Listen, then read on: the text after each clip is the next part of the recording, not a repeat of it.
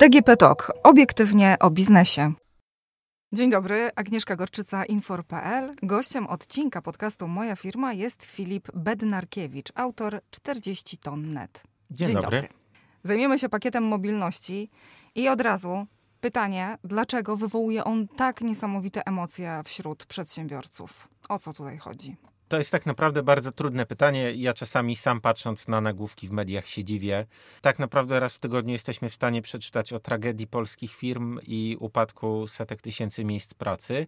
Dla pewnych firm faktycznie może to oznaczać poważne problemy, ale z drugiej strony da się też w branży wśród przewoźników czasami usłyszeć nieco bardziej pozytywne głosy. Sami kierowcy podchodzą do tego też różnie, czasami negatywnie, czasami pozytywnie. No główny zarzut jest taki, że jest to jakaś forma protekcjonalizmu Europy Zachodniej. Z polskiego punktu widzenia można to tak określić, tak? Natomiast Europa Zachodnia określa to jakąś formą uzdrowienia branży transportowej, walczenia z jakimiś nadużyciami, które w branży powstały. Więc tak naprawdę w zależności od tego, w której części Europy i kogo zapytamy, czy będzie to kierowca, przewoźnik, czy będzie to mały, czy duży przewoźnik, usłyszymy różne opinie. Mhm. Ale tak naprawdę jak dzisiaj wygląda ten rynek przewoźników? Czy to jest rynek, który oparł się koronawirusowi, czy może niekoniecznie? Bo zdania tutaj są podzielone. Tak, na dzień dzisiejszy właściwie odpowiedź nie do końca istnieje. Zależy, którego eksperta zapytamy. Jedni mówią o dobrych perspektywach na kolejne miesiące. Faktycznie zauważyłem, zauważa się, że sprzedaż ciężarówek zaczęła się mocno odbijać od dna. Producenci nawet zatrudniają dodatkowych pracowników w fabrykach, wybrani producenci. Natomiast są też producenci, którzy ograniczają zatrudnienie, przewidują kilka lat kryzysu na rynku ciężarówek, a to ma oczywiście wynikać z problemów, przed którymi staną przewoźnicy. Tak naprawdę trudno to oceniać ale tak długofalowo, pomijając koronawirusa, pomijając to, co będzie się działo może przez 2-3 lata, to wszystkie przewidywania mówią o tym samym. Transport drogowy będzie rósł do niewyobrażalnych rozmiarów, za co odpowiada m.in. branża e-commerce. Parlament Europejski w głosowaniach odrzucił poprawki do regulacji w sprawie przewoźników drogowych, czyli właśnie do pakietu mobilności. Te poprawki przygotowali europosłowie. Część z tych poprawek e, wejdzie w tym roku, część za 18 miesięcy. Jakie jest Pana zdanie, jeżeli chodzi o te poprawki? Dlatego, że Polska uznawała, że te poprawki są szkodliwe i tutaj wiele krajów też podzielało to zdanie. W sensie Polska uważała, że te zapisy są szkodliwe. Tak. Tak, tutaj były różne argumenty. One oczywiście padały głównie po tej wschodniej stronie Unii Europejskiej. Jeden z głównych sprzeciwów wzbudzał pomysł obowiązkowego zjazdu ciężarówki do kraju zarejestrowania co, co najmniej 8 tygodni. To wzbudza ogromne kontrowersje także z ekologicznego punktu widzenia bo uważa się, że na przykład ciężarówki bułgarskie masowo będą zjeżdżały na Bułgarię puste, ponieważ nie ma po prostu tylu ładunków, żeby te wszystkie ciężarówki wypełnić. Ale jest też oczywiście druga strona medalu. Tutaj możemy już powiedzieć o tym, co zapowiadają Łotysze. Łotysze też mają stosunkowo daleko do Europy Zachodniej. Jednocześnie ich import też jest stosunkowo mały. Dlatego łotewskie firmy już myślą o przerejestrowaniu swoich ciężarówek do Polski. No bo z granicy polskiej do przyjmijmy byłych Niemiec zachodnich, bo tam ta gospodarka tak naprawdę europejska zaczyna tętnić, jest stosunkowo blisko. Tak? No, czy to będzie dobre rozwiązanie? Czy to nam rozwiąże sytuację właśnie z tymi newralgicznymi zapisami? Tutaj tak naprawdę pytanie, o co walczymy. Jeśli chodzi o PKB Polski, no bo transport odpowiada za 6% naszego PKB. Teoretycznie, jeśli te obowiązkowe zjazdy do kraju wejdą w życie, to ma nastąpić bodajże w 2022 roku, część firm może zrezygnować z utrzymywania swoich ciężarówek na polskich rejestracjach. Na przykład będą to jakieś firmy niderlandzkie, czy belgijskie, czy francuskie, które miały u nas swoje oddziały. Ale na to miejsce mogą właśnie przyjść firmy, nie wiem, bułgarskie czy łotewskie. To się przesunie wszystko. Dokładnie. Tak? Mhm. Więc teoretycznie przy samym liczeniu PKB może to wyjść na jedno, no bo tak naprawdę jedni swoje podatki stąd zabiorą, inni zostawią. Do tego dochodzi też tak naprawdę kwestia warunków życia kierowców.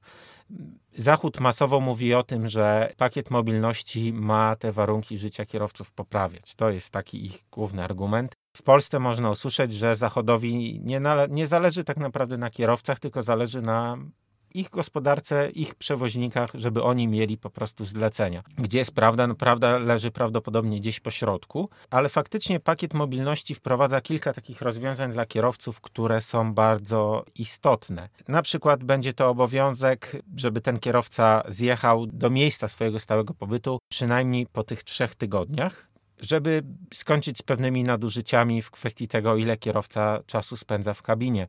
My tutaj Unia Europejska bardzo silnie tymi przepisami pakietu mobilności wyznaczyła, że generalnie dopuszczalne będzie, żeby kierowca był trzy tygodnie w kabinie i jeden tydzień w domu. Jak się tak spojrzy na rynek pracy, na to, co się działo w ostatnich latach, to taki system w skrócie 3 na 1 był uznawany przez kierowców tak dosyć powszechnie za taki maksymalny czas, ja mówię tutaj o Polsce, mhm. za taki maksymalny, rozsądny czas spędzany w kabinie. Oczywiście były firmy, gdzie są systemy na przykład 6 na 2, są firmy, gdzie się 8 tygodni spędza. Są też kraje w Europie, gdzie kierowcy spędzają całe miesiące w kabinie. Dotyczy to często także ukraińskich kierowców, którzy, no co prawda, zjadą ciężarówką do Polski, ale nie znaczy to, że pojadą później jeszcze na Ukrainę, tak? Więc też zostają w kabinie. Do tego dochodzą nam Filipińczycy, którzy masowo są sprowadzani jako kierowcy do Europy. Był taki głośny reportaż o Filipińczykach. Tam system pracy był 11 miesięcy w kabinie, jeden miesiąc w domu. No wiele takich tematów się pojawiło. Nawet nie wiadomo, jak to skomentować tak naprawdę. No tak naprawdę Filipińczycy są podobno zachwyceni, mhm. bo y, mówią, że dotychczas pracowali w y, na przykład Omanie czy Jemenie i w Europie jest dużo lepiej niż tam, a tam w domu byli równie rzadko lub nawet rzadziej. Ja powiem tak, przez te ostatnie 2-3 lata, kiedy ten pakiet mobilności miał wejść, był omawiany, były głosowania, ja nie pamiętam, ile razy o tym pisałem, no z 50, 60 razy, pewnie coś takiego. I tak naprawdę zawsze starałem się to pisać w taki sposób, żeby żeby nie stawać po żadnej stronie, bo zdaję sobie sprawę z tego, że po prostu to jest tak ogromna liczba ludzi, których to dotyka, tak ogromna liczba firm, że to ciężko jednoznacznie oceniać, tak? Na przykład, czy te poprawki, o których mówiliśmy, czy one były korzystne, czy one nie były korzystne. Przewoźnicy powiedzą, że byłyby dla nich korzystne, kierowcy, że nie to jest tak naprawdę bardzo skomplikowany temat. Każdy będzie odbijał swoją e, piłeczkę, ale te przepisy również dotyczyły e, kabotażu, czasu odpoczynków kierowców, delegowaniu pracowników. No tutaj pojawiały się głosy, że niestety będzie trudniej, więcej dokumentów, e, więcej przygotowania takiej papierkowej roboty. Dlaczego Pana zdaniem Polska była przeciwna? Z tym delegowaniem to faktycznie może być problem, ponieważ ten kierowca w momencie, kiedy on się stanie pracownikiem delegowanym, tak naprawdę on nie będzie podlegał tylko płacy minimalnej, ale też dodatkom socjalnym, coś no takiego. właśnie, tak, tutaj chodzi o pieniądze. To jest fakt absolutnie niepodważalny, że dla przewoźników to może być problem. Oczywiście są sposoby, żeby sobie z tym radzić na rynku. Istnieje już cała grupa firm, które obsługują rozliczanie takich rzeczy, bo jakby płace minimalne obowiązują już teraz. Nie w takim zakresie, w jakim mają obowiązywać, ale we Francji czy w Niemczech tam też coś trzeba liczyć i rzadko, bo rzadko, ale kontrola może się trafić.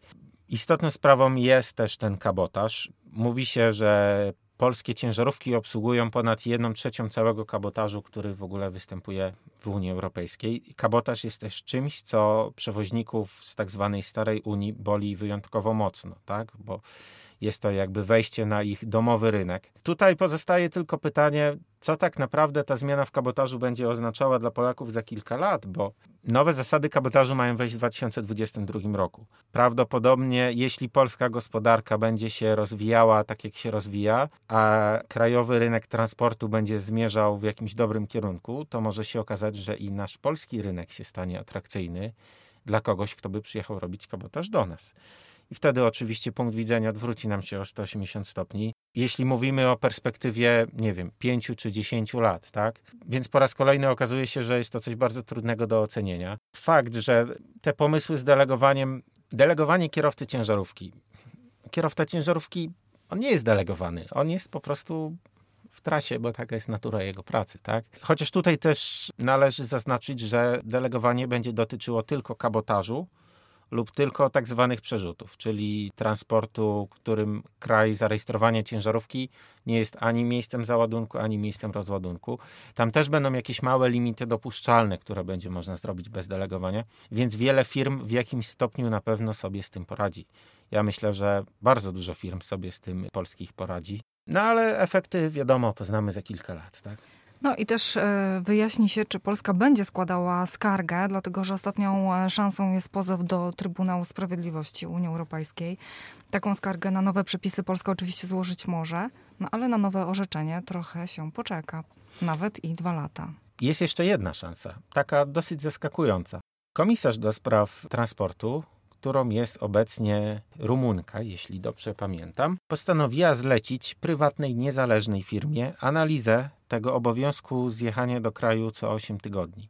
Firma konsultingowa ma to przeanalizować i jakby wyniki tej analizy, potencjalny wpływ na środowisko naturalne, na stawki w transporcie, na to, czy ten rynek faktycznie mógłby się bardzo mocno zepsuć, czy byłoby mnóstwo pustych przewozów, to, co oni przeanalizują, może mieć ewentualny wpływ na to, że Komisja Europejska sama się z tego wycofa. To jest w sumie taka dosyć nietypowa sytuacja, że Komisja Europejska zleca coś firmie konsultingowej, ale jak widać, no tutaj tych kości niezgody jest tak dużo, że politycy sami nie byli w stanie się porozumieć, tak? Bo po prostu mieliśmy dwa obozy. Jeden chciał tego, drugi chciał tego. Nie było właściwie miejsca na kompromis.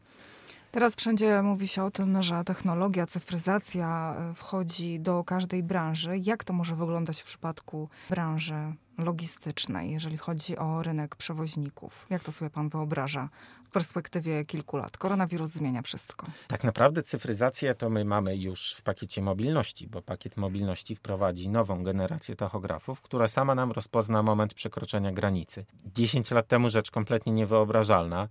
Kierowca będzie tak naprawdę cały czas śledzony w kwestii położenia ciężarówki na wirtualnej mapie, no bo inaczej nie dałoby się tego naliczyć. Coś takiego w połączeniu z jakimiś nowoczesnymi systemami telematycznymi znacznie łatwiej na pewno rozliczenie tych wspomnianych delegacji na przykład, tak? Czasu pracy kierowcy, tak. Dokładnie. Po prostu wiele rzeczy będzie w stanie y, obliczyć za nas. Oczywiście nie wszystkie też, tak? Poza tym cyfryzacja transportu to jest tak naprawdę coś, co tworzy ogromne możliwości. Możemy spojrzeć chociażby na 5G.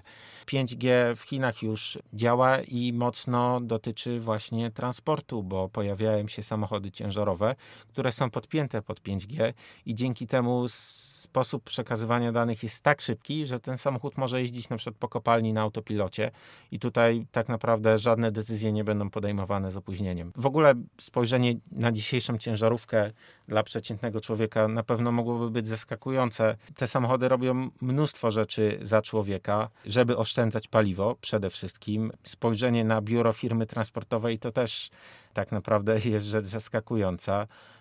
Tylko wyobraźmy sobie tak naprawdę, ile jest tych przewozów każdego dnia, ile ludzie rzeczy zamówią każdego dnia na aukcjach internetowych i to później jakoś do nas dojedzie tak naprawdę za jakieś 36 godzin. Więc potencjał jest tutaj ogromny. I jeszcze jak do tego wszystkiego dodamy samochody przyszłości, może być naprawdę bardzo ciekawie. Gościem odcinka podcastu Moja Firma był Filip Bednarkiewicz, autor 40 ton net, który praktycznie pod samo studio przyjechał właśnie taką nowoczesną ciężarówką. Dziękuję serdecznie za wizytę w studio. Dziękuję bardzo. Na koniec dodam, że kolejny odcinek podcastu już za tydzień. Poprzednie odcinki możecie sobie odsłuchać na stronie moja firma infor.pl i tam też znajdziecie więcej informacji o sytuacji przedsiębiorców. Dzięki serdeczne jeszcze raz i do usłyszenia. Dziękuję, do usłyszenia.